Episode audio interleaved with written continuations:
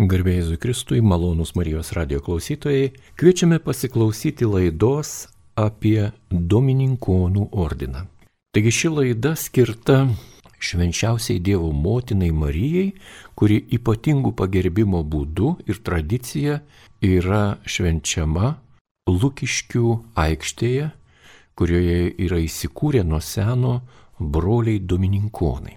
Ir šiandien šioje laidoje Apie šiuos ypatingus atlaidus maloniai sutiko papasakoti taip pat brolis Domininkonas Jokūbas Marija Goštautas. Įkalbina Liutauras Sarapinas ir sveikinuosi su gerbiamu broliu Jokūbu Marija garbėjai Jėzui Kristui. Per amžius amen. Įdėmiai klausysime jūsų pasakojimo, nes Lietuvoje atlaidai yra labai brangus religinis išgyvenimas. Ir tai nėra vien tik tais šventė ir ne vien tik tais ta dangiška mistinė patirtis, kai Dievas mums dovanoja kaltes, kurias mes nusipelnome savo nuodėmėmis, bet taip pat yra ir tradicija, kur jau nuo seno žmonės atlaidų formate atlaidų metu daro ir asmeninės šventes, ir giminės susirinkimus, ir mirusiųjų pagerbimą, atminimą ir ką kita. Ir tai yra tapę labai brangu vos ne kiekvienoje katalikiškoje šeimoje. O atlaidų Lietuvoje gausų. Taigi apie ypatingus atlaidus Vilniaus mieste, pačiame centre, Lukiškių aikštėje, prašome jūsų papasakoti. O pradėkite nuo vienuolyno. Koks tai vienuolynas? Taigi Lukiškių vienuolynas arba Šventųjų apaštalų Pilypo ir Jokūbo vienuolynas yra vienas iš seniausių Vilniaus mieste, įsikūręs būtent 1642 metais, kuomet Smolensko kaštelionas Jurgis Liutauras Kreptavičius padovanojo dominikonams sumą pinigų ir pareigojo būtent Lukiškių kapinėse, ant kurių ir stovi būtent mūsų vienuolynas ir bažnyčia, laidoti nemokamai neturtinguosius. Tai buvo pagrindinė dominikonų, taip sakant, misija Lukiškėse, tuo labiau, kad Lukiškės jos tuomet nebuvo pačiam Vilniaus mieste, jos buvo užmiestyje ir Vilniuje pačiam centre stovėjo mūsų pagrindinis provincijos vienuolynas, būtent Šventojios dvasios vienuolynas. Taigi Lukiškių vienuolynas jisai keliavo per amžius, prie jo buvo įsikūręs ir Šventojo Jokūbo ligoninė ir dabar tenka sutikti žmonių, kurie, sakant, sako, mes gimėme jūsų vienuolynę, reiškia Šventojo Kubo ligoninėje. E, vienuolynas išgyveno ir pakilimų, ir nuosmukių, ypatingai būtent e, carinės Lietuvos laiku ir paskui Sovieto okupacijos laiku, kuomet broliai buvo išvaryti iš vienuolyno, ypatingai vienuolynas nukentėjo e, būtent sovietmečių, kuomet vienuolyną atėmė sovietų valdžia būtent 1948 metais ir pati bažnyčia buvo paversta pirmiausia vaisių ir daržovių sandėliu, o vėliau ir operos ir baleto teatro sandėliu. Mes vienuolyną galiausiai atsiemėm 92 metais, atsiemė vienuolyną tėvelis Jonas Dominikas Grigaitis, iš tikrųjų vienintelis visą sovietmetį Lietuvoje likęs dominikonas ir atrodo Sako, atėjo nepriklausomybės laikas ir kaip ir tėvelis jau ruošiasi jau tai pabaigai Dominikonų Lietuvoje, nes jau pats turėjo sulaukęs garbingą amžių ir staiga netikėtai atsirado keli jaunuoliai, kurie nusprendė stoti į ordiną, tap Dominikonais ir tėvelis tarsi užvedė tą naują periodą e, Lietuvos Dominikonų ir pirmasis tas žingsnis buvo būtent atsijimant 92 metais mūsų vienuolyną ir bažnyčią. Malonus radio klausytojai, šiandien su jumis broliais Domininkonas, kunigas Jokūbas, Marija Goštautas ir kalbame apie jų vienuolynę, tradiciją išlaikytą atlaidų, žmonėms teikiamų atlaidų ir Kalbame apie Švento Dominyko vienuolyną. Domininkonai dar yra vadinami broliai pamokslininkai. Kodėl jie taip vadinami? Iš tikrųjų, tai yra oficialus mūsų ordino pavadinimas - pamokslininko ordinas. Pamokslininko ordiną kaip tokį įkūrė šventasis Dominikas Guzmanas. Lietuvoje, ypatingai Žemaitijoje, žinomas kaip Domininko, šventojo Domininko vardu. Nors iš tikrųjų čia yra tas pats šventasis Dominikas Guzmanas, kuris būtent įkūrė pamokslininko ordiną 1215 metais.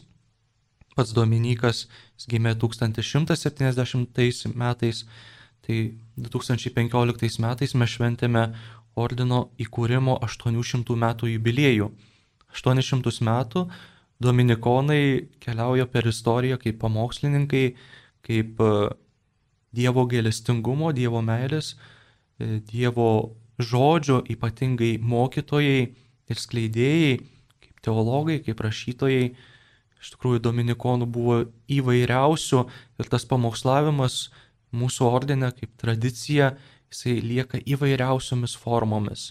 Tai būtent ar tai būtų pamokslavimas žodžiu, ar raštu, ar dėstymas aukštosiuose mokyklose, ar katekizavimas, ar išpažinčių klausimas, ar tas pats e, netgi meninis darbas, žinomas yra palaimintasis Fran Angeliko, būtent garsiausias mūsų tapytojas, ar ne, Dominikonų ordino, ypatingai žinomas Italijoje.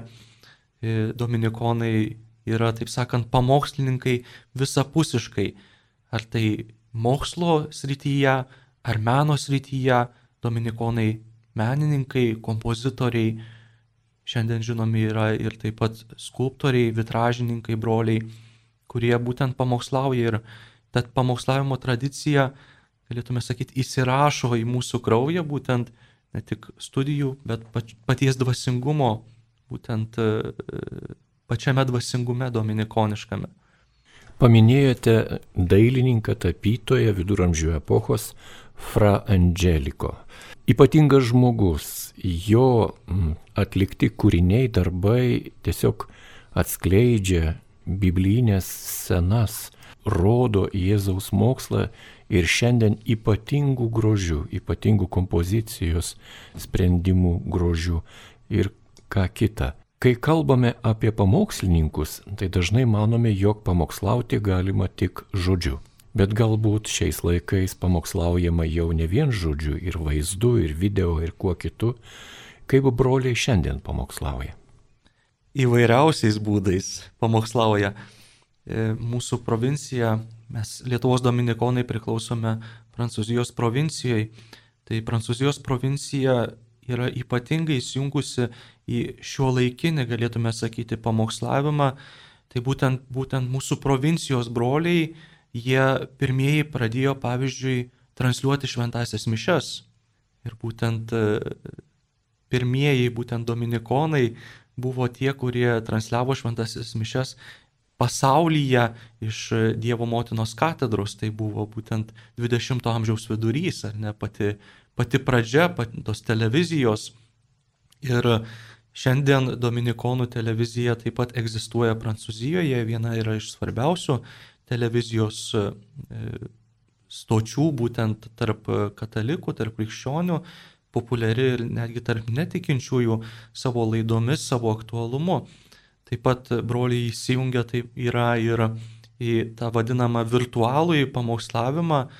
Lietuvoje buvo vienas periodas, kuomet iš Prancūzijos broliai atsivežę buvo tą vadinamą gavėnios mieste iniciatyvą ir būtent Prancūzijoje gavėnė mieste jinai išsiplėtė iš tikrųjų per nepilnus 20 metų, tapo ne tik gavėnė mieste, bet ir rekolekcijos mieste, ir šventasis raštas mieste, ir adventas mieste. Visokiausių, taip sakant, būdai, kaip prieiti prie žmogaus ir perteikti Dievo žinę tikėjimo žinia šiandienos pasaulyje ir brolių iniciatyvos pasireiškia būtent netgi per tokius paprasčiausius dalykus kaip trumpi filmukai būtent teologiniais klausimais. Ar tai būtų apie šventąją dvasę, ar, ar apie sielos nemirtingumą, ar apie tos pačius sakramentus.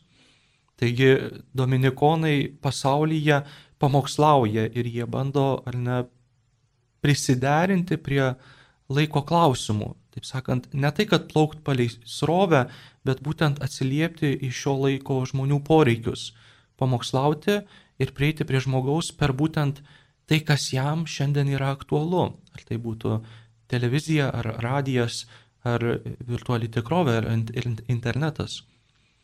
Aišku, išlieka tie patys klasikiniai pamokslavimo būdai.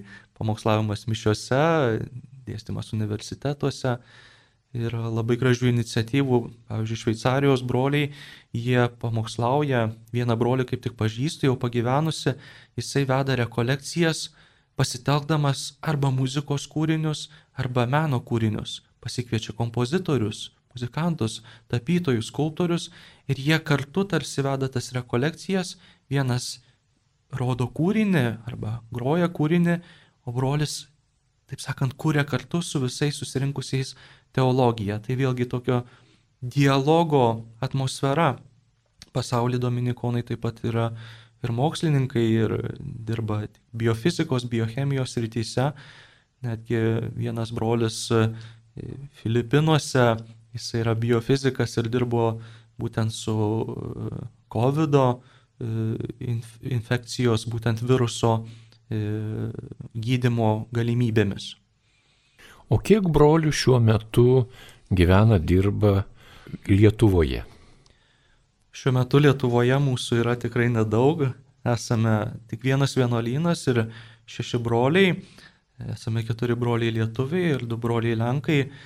Ir vėlgi tarnaujame, stengiamės vėlgi nešti Dievo žodį, ypatingai savo bažnyčioje, tiek mišių metu, tiek sakramentus teikdami, tiek įvairios grupės, kurios renkasi mūsų bažnyčioje, broliai kiek galėdami įsijungia, įsitraukia šalia visų savo darbų, kuriuos vėlgi e, kiekvienas brolis turi savo veiklas, savo darbus, kas dirba akademinėje srityje, kas dirba, e, pavyzdžiui, su menininkais. Yra broliais taip pat vienas, kuris tiesiog, taip sakant, rankas yra įkišęs į, į tinką, nes e, vienuolynas reikalauja remonto, atliekam statybos, remonto darbus, restauracijos darbus, tai vėlgi atrodo, koks čia dabar pamokslavimas žmogaus, bet iš tikrųjų broliai yra dėkingi, yra tarp brolių tas, kuris vat, būtent pasiaukoja ir tarnauja būtent šituo būdu, kad broliai turėtų stogą virš galvo. Na ir norisi paklausti, o kur yra jūsų vienuolynas, kur yra jūsų bažnyčia šiuo metu, kur broliai aptarnauja ir kaip pas jūs vyksta pamaldos, kaip prisibelsti iki jūsų. Mūsų vienuolynas yra Lukiškių aikštėje. Kas prisimenate Lukiškių aikštėje, kai stovėjo Leninas, e, Lukiškių aikštė buvo raudona ir jos fone visuomet buvo bažnyčia dvi bokštai ir nudažyta tokiamis pastelinėmis spalvomis. Dabar bažnyčia e, atsiskleidė visų grožių, ypatingai sutvarkius ir perdažius fasadą, dabar pati bažnyčia yra raudona. Taip sakant, vienintelė tokia iš tolo matoma bažnyčia. Mūsų bažnyčioje pamaldos vyksta kasdien. Turime dviejas mišes 12 val. ir 18 val. Ypatinga vieta būtent, kurioje stovi vienuolynas, tai kad labai daug žmonių ateina į į būtent dienos šventasias mišes, kurie dirba ministerijose, ar, ar Seime, ar įvairiuose institucijose, ar tam pačiam teisme. E, žmonės turi galimybę ateiti šventasias mišes ir aš sakau, gera matyti žmonės dirbančius, pavyzdžiui, valstybinį darbą ir kurie netgi savo pietų pertrauką paukoja, ateidami būtent, kad priimtų šventąją komuniją, pasiklausytų Dievo žodžio. Vakare šventos mišios yra jau labiau tokios bendruomenės mišios ir nedaug tų žmonių, bet vis tiek susirenka kai kurie žmonės jau po darbo ir ateina mūsų bendruomenės nariai, ateina dominikonai pasauliečiai, kartu melžiamės šventasis mišes, melžiamės po mišių vakarinę maldą. Taigi dominikonus galima rasti, kaip aš sakau, Lukiškių aikštėje. Ir tas Lukiškių pavadinimas nuo seno visuomet asocijuodavosi su kalėjimu. Tai sakau, galite ateiti ne tik kalėjimą pamatyti ir bausmės vietą, bet galite ateiti ir pasimelsti, e, susitikti brolius ir taip pat, e, o dabar yra proga pasimelsti švenčiausiai Dievo motinai, Lukiškių Dievo motinai. Kai jūs kalbėjote, broli Jokūbai Marija, apie savo vienuolyną ir bažnyčią esančią Vilniaus centre, Lukiškių aikštėje, aš prisimenu savo vaikystę ir mes vaikai buvome radę tam tikrą tašką, iš kurio žiūrint, Lukiškių aikštės centre stovėjęs Leninas savo rankoje laikydavo jūsų bažnyčios špiliaus kryžių. Tas taškas buvo labai subtilus, jis buvo prie šiukšliadėžės, jeigu žiūrėtume nuo konservatorijos pagrindinio įėjimo, ten buvo krūmas ir buvo toks žibintas jau aikštės. Ir toks subtilus taškas, manau, kad architektai tuo metinėje specialiai taip suko Lenino tą statulą, balvoną, kad nesimatytų kryžius rankoje, bet mes tą tašką radome. Ir tas taškas taip pat tuo metu buvo liūdėjimo ženklas, nors bažnyčia dažniausiai buvo naudojama siaubingiems dalykams demonstracijų metu ten būdavo įsitaisę snaiperiai, kurie saugodavo politbiuro narius nuo kokių nors politinių aksesų. Ir taip toliau buvo sandėlis, buvo ligoninė, bet jį liudijo, liudijo Dievo galę virš visko, net ir virš Lenino balvono. Na, o jūsų bažnyčioje dar yra keletas unikalių dalykų. Tai vienas iš jų yra žinoma varpai. O antrasis tai yra įstabus švenčiausios Dievo motinos paveikslas, kuris yra seniausias Lietuvoje. Papasakokite apie tai. Gal pradėkim nuo trumpiausio istorijos etapo, tai kariljono atsiradimo mūsų bažnyčios varpinėje. Iš tikrųjų, Kariljonas inauguruotas mūsų bažnyčioje yra 2015 metais. Tai yra didžiausias Baltijos šalių regione esantis kariljonas, kuriame skamba 61 varpas. Kiekvieną vasarą organizuojame kariljono festivalius. Ir kariljonas jis yra iš tikrųjų vat, tas ryšys ar ne su, su miestu jisai išlaiko būtent tą ryšį su miestu, nes kariljonas yra Vilniaus miesto kariljonas vadinamas. Nors jisai yra būtent Dominikonų vienuolynė, mūsų vienuolynė ir mums priklausantis, tačiau vat, galima sakyti, varpai, jie, žinot, nuo, nuo senovės laikų sakoma, kad varpai velnius varo. Tai galėtume sakyti, kad varpai skambantis mūsų bažnyčioje, būtent Vilniaus miesto centre, tarsi kviečia tą patį miestą vėlgi į šventumą, vėlgi atsigrėžimą į Dievą, ypatingai pat būtent toje vietoje, pačiam, pačiam centre ir ypatingai Lūkiškių aikštėje, kuri yra dabar, nesakoma, valstybinė aikštė, kuri turėtų vykti visi valstybiniai renginiai ir vyksta tie valstybiniai renginiai ir skamba kariljonas. Ir skamba kariljonas ne tik per festivalius, bet skamba kiekvieną dieną. Du kartus per dieną mes turime tiek vidurdienį, tiek vakare kariljono koncertus. Ir, taip sakant, diena, darbo diena yra užbaigiama skambinant Salve Regina, būtent dominikonišką melodiją. Sveika karalienė gailestingumo motina. Na, aišku, dar prieš miegą dabar šiuo metu paskambinam ir lopšinę šiokią tokią. Na, o švenčiausios mergelės Marijos atvaizdas, koks jis ir ką jis reiškia jum? Iš tikrųjų, Lukiškio Dievo motinos ikona kaip tokia ypatinga reikšmė turi būtent mūsų vienuolynui nes jinai iš tikrųjų lydėjo vienuolyną per visą, galėtume sakyti, istoriją ir netgi patyrė tas pačias e, skriaudas, kokias patyrė broliai ir patyrė vienuolynas. Iš tikrųjų, Lukiškio Dievo motinos ikona yra net ne paveikslas, bet ikona. Tai reiškia, kad tai yra būtent atėjęs iš rytų tradicijos, ar ne, e, ikonografijos ikonografijos elementas, būtent ikona. Ir Lukiškių Dievo motina su kūdikiu ši ikona yra datuojama būtent 15 amžiaus pabaigai. Tai galėtume sakyti seniausias Lietuvoje mergelės Marijos atvaizdas, kurį šiandien turime. Lietuvoje ne tik vienuolynė, ne tik, kad dominikonai gali didžiuotis, bet ir Lietuva gali didžiuotis šio atvaizdu. Ir kas yra svarbiausia, kad kaip ta ikona atkeliavo, labai įdomi jos istorija yra.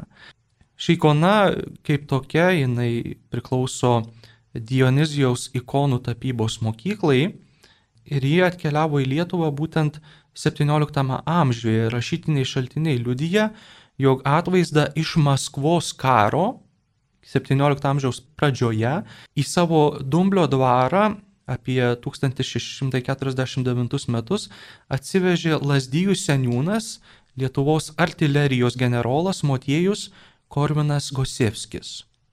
Ir šitas paveikslas, ši, ši ikona buvo būtent e, dvaro lobynė. Ir jo sunus, būtent e, Motiejaus Korvino Gosevskio sunus Vincentas Gosevskis po tėvo mirties paveikslą padovanojo Seinų dominikonams. O pastarieji 1642 metais jį atidavė Vilniaus Lukiškių dominikonams, tai reiškia atidavė į mūsų vienolyną. Ir nuo pat jo patekimo į būtent į mūsų bažnyčios centrinį altorių, tuomet e, ikona kabėjo centrinėme bažnyčios altorijoje, prasidėjo būtent Dievo malonės, prasidėjo stebuklai. Reiškia, nuo pat 17 amžiaus pabaigos Lukiškėse vyksta stebuklai, Dievas rodo malonės. Trykštantis e, būtent tie stebuklai penkiomis srovėmis, kaip liudija būtent irgi rašytiniai, rašytiniai šaltiniai. Taigi paveikslas 1684-88 metais stovėjo būtent, kabėjo medinėje mūsų bažnyčioje ir per tą laiką, atrodo, per keturis metus įvyksta 170 stebuklų. Ir jų pagrindų būtent tuometinis Vilniaus vyskupas Konstantinas Žostovskis 1688 metais pasirašo dekretą, kuriame atvaizdas yra pripažintas stebuklingu. Ir iš tikrųjų nuo to laiko, nuo pat pradžių stebuklų bažnyčioje yra vedamas registras ir registras vadinasi mistinis fontanas. Reiškia, malonės ateinančios iš Dievo būtent per šį mergelės Marijos hodegitrijos atvaizdą. O ką reiškia hodegitrija, tai iš graikų kalbos yra kelią rodančioji. Taigi registras buvo vedamas iki gaisrų, žinote, bažnyčios degdavo tais laikais, tai e, registras buvo prarastas, vienas registras, paskui kiti registrai atsirado. Iš tikrųjų, mūsų internetiniam puslapyje galima rasti keletą būtent ištraukų iš to registro, būtent liudijimų stebuklų, kokie stebuklai yra įvykę. Ir e, sovietmečių e, paveikslas buvo dingęs. Iš tikrųjų, jisai buvo slepiamas kitoje upės pusėje, Švento Rapolo bažnyčios pastogėje.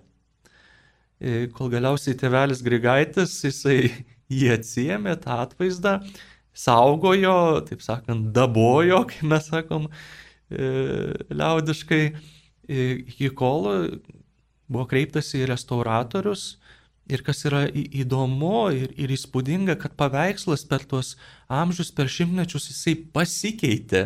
Jisai buvo tapytas, užtapytas, tas Dievo motinos veidas ten gražintas, e, skruostukai parausvinti, kūdikėlis irgi ten toks gražutis padarytas.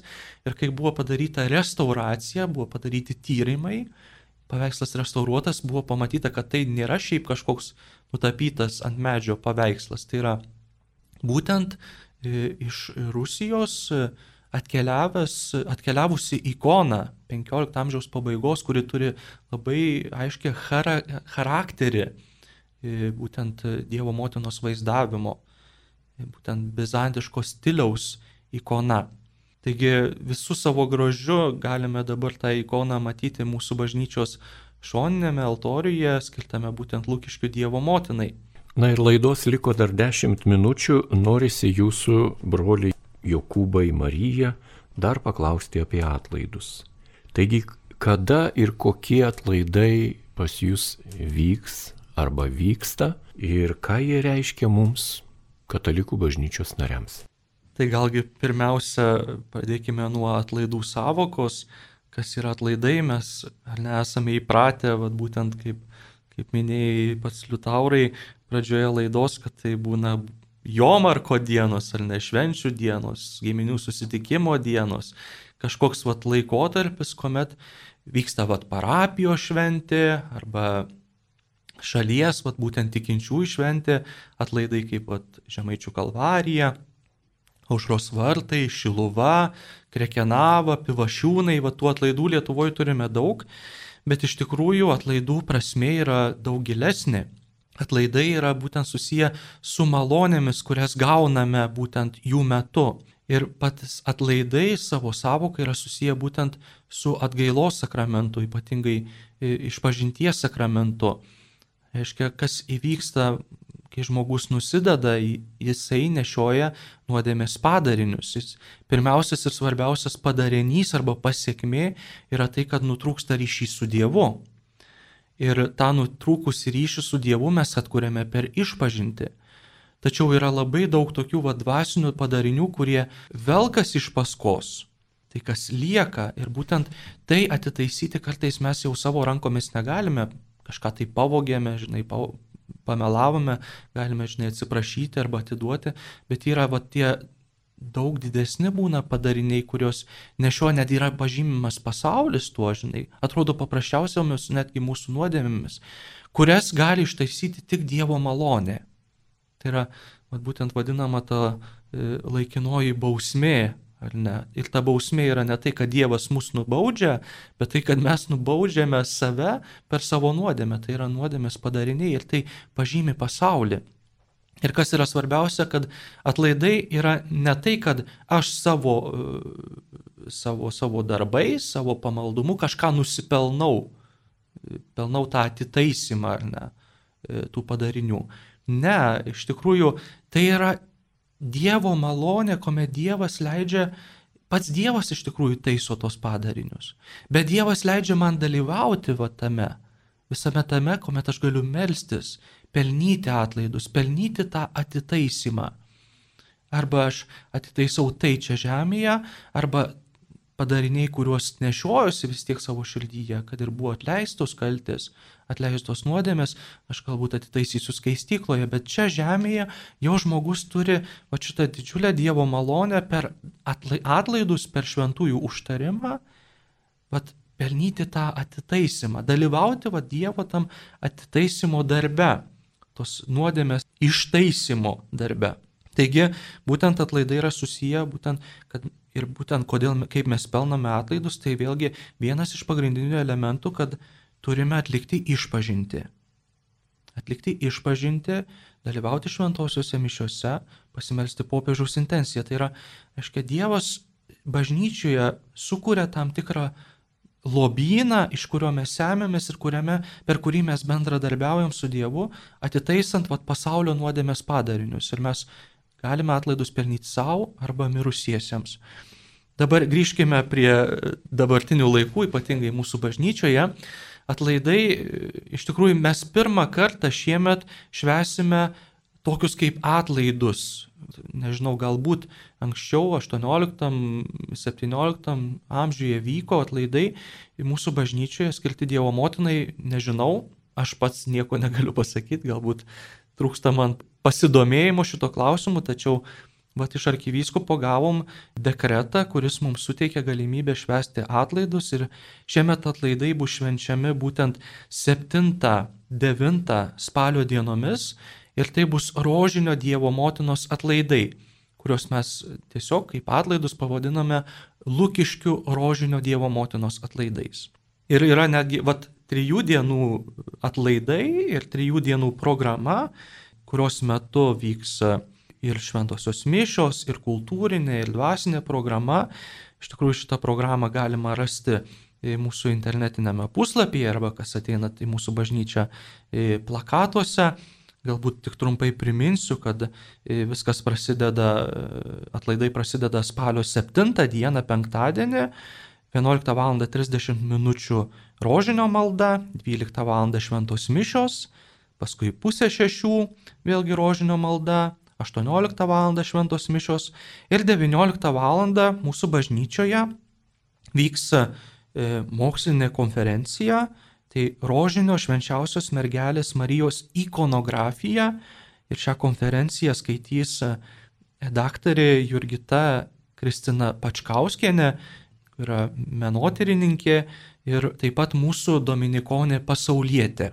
Spalio 8 dieną šeštadienį e, pusė dešimtos rožinio malda Lenkų kalba, 10 val. šventos mišios Lenkų kalba, pusė 11 rožinio malda, 12 val. šventos mišios, 13 val. vėlgi tokia kaip kultūrinės programos dalis vyks kariljono koncertas, va, tas pats kariljonas skambės ir koncertas skirtas Marijai ir koncerte gros skambins varpais iš Japonijos atvykęs kariljonierius Toru Takao. Ir 18 val. šventos mišios. Sekmadienis pagrindinė atlaidų diena ir 9 val. ryte šventos mišios, kaip sekmadienio tvarka, 10.30 rožinio malda, 11 val. sumos šventosios mišios, e, pusė keturių rožinio malda Lenkų kalba, 16 val.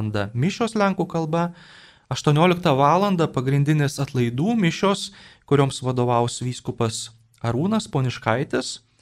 E, mišiose gėdos e, tomis dienomis vykstančių liturginių bažnytinios muzikos dirbtuvių e, choras, vadovaujamas kompozitoriaus Pavel Bembene, kad važiavusio iš Lenkijos.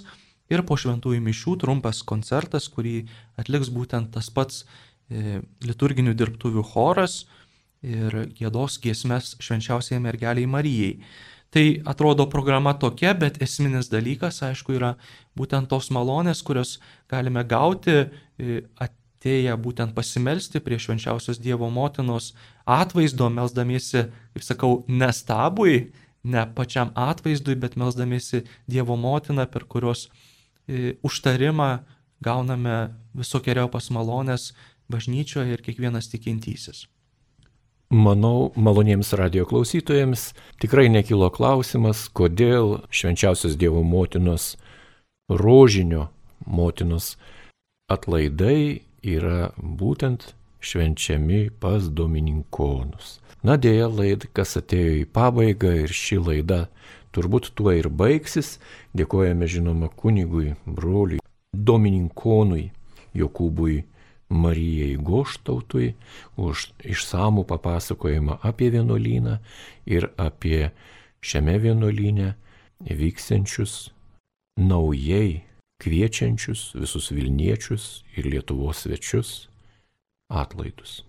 Taigi šiandien laidoje dalyvavo Domininkonas, brolis, kunigas Jokūbas Marija Goštautas, jam klausimus uždavė Liutauras Serapinas, linkėdamas likti ir toliau su Marijos radiju.